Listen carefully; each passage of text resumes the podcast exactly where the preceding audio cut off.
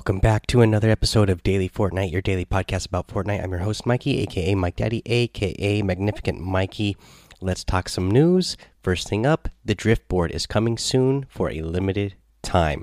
Uh, the drift board was teased to us, uh, I don't know, before Christmas, so maybe two months, over two months ago now. Uh, Unfortunately, they found some sort of bug in it uh, that was breaking the game, so they never released it. Well, now it is coming for a limited time. It is teased in the newsfeed section, uh, so that will be coming soon.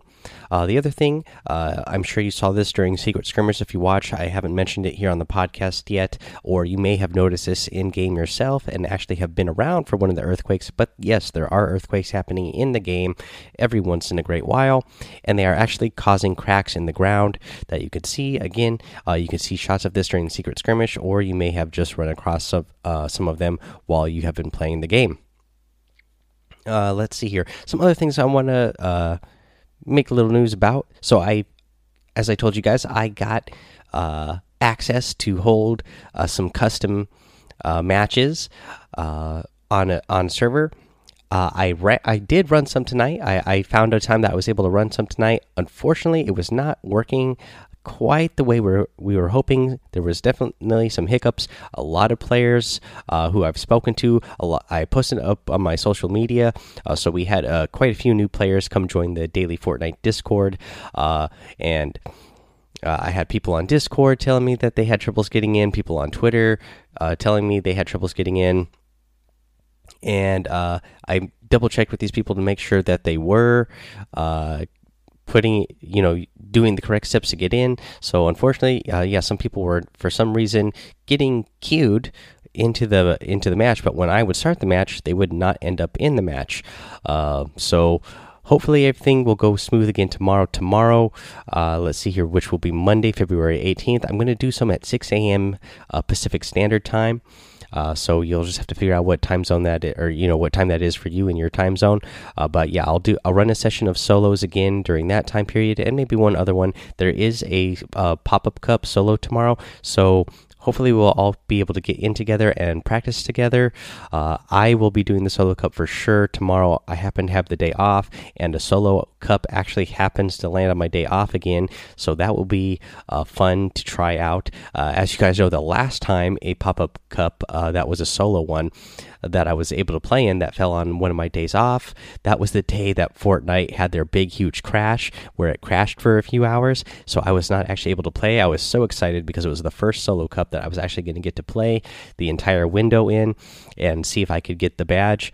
And of course, Fortnite crashed for a few hours. This time, I am hoping that doesn't happen so I can try to go ahead and get my badge in uh, one of the solo cups. As you guys know, me and Bob Dan, uh, we slay out in the duos, and we always get the badge in duos. But I'd really like to try to get a uh, badge in solos as well. Uh, let's see here. Oh, I, I, should give a shout out to Bob and his son Brady and a friend. I guess I don't know who they're playing with, but I know that they were playing in the trios uh, tournament today, and they made it all the way through the tournament, getting a badge at every level. Congrats to you guys. That is awesome. Uh, you guys are, you know you guys are uh, legendary, I guess I, I could say. Uh, so yeah, let okay. Let's talk a little bit more news though. So obviously we have some more overtime challenges that have unlocked since the last time I posted an episode, and the overtime challenges that are new are to let's see here, visit different named locations, and that's ten total. And so search search a supply drop in different matches. You got to do that in two different matches total and revive a player in three different matches. Uh, so yeah, that's the your new overtime challenges since the last episode. There'll be more unlocking in two days. And remember, don't procrastinate on these guys. Unfortunately, I have not been able to do them as fast as I can because, as you guys know, I've mentioned on other social media places, I think, that I worked three 14 hour days in a row and didn't have much time to play because I was starting early in the morning and getting off late at night. Uh, so I am behind on these challenges, but don't let yourself get behind. That way you can get that free battle pass once we have 13 of these challenges unlocked. And in fact, I'm going to go ahead and get to a few tips from listeners on how to get some of these overtime challenges completed. It's Kaley Cuoco for Priceline. Ready to go to your happy place for a happy price? Well, why didn't you say so? Just download the Priceline app right now and save up to 60% on hotels. So, whether it's Cousin Kevin's Kazoo concert in Kansas City, go Kevin, or Becky's Bachelorette Bash in Bermuda, you never have to miss a trip ever again. So, download the Priceline app today. Your savings are waiting. Go to your happy place for a happy price. Go to your happy price, Priceline. Hey, this is Mudcats with a quick tip for the overtime challenge. Uh, we recommend the Creative Island titled Move. You can get five coins pretty quickly. It's a Frogger type uh, style course, and you can run through there and grab you five coins and then leave the match, come back in, and the coins will respawn, and you can grab five more, and you can do that three times for a total of 15.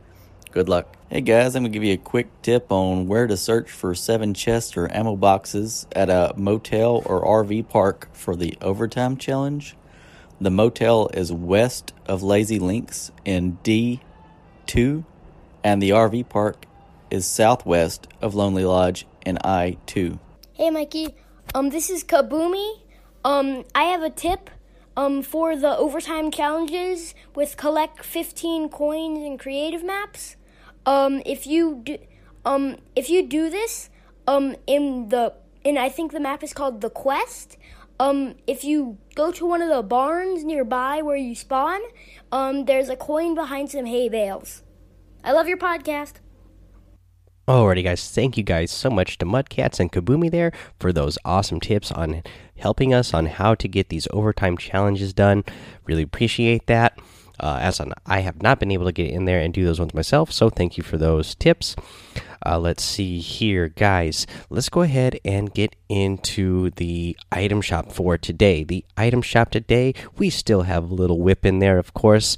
I went ahead and got Little Whip. I love Little Whip. I love his back bling, the snow cone. Uh, it is a uh, polar bear uh, eating a snow cone. so awesome.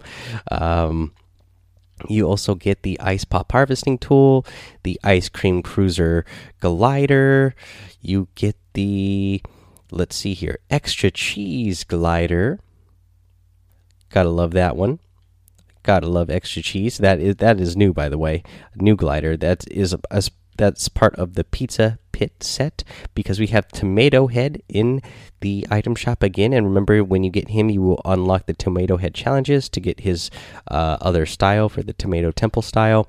And you get the axeroni harvesting tool Let's see here. In the daily items, you get the Cloak Star outfit. You get the Work It Out emote. You get the Dark Glyph glider, the Dance Therapy emote, the Light Show outfit, and the Icicle harvesting tool. I really like that harvesting tool. I like the Dark Glyph glider.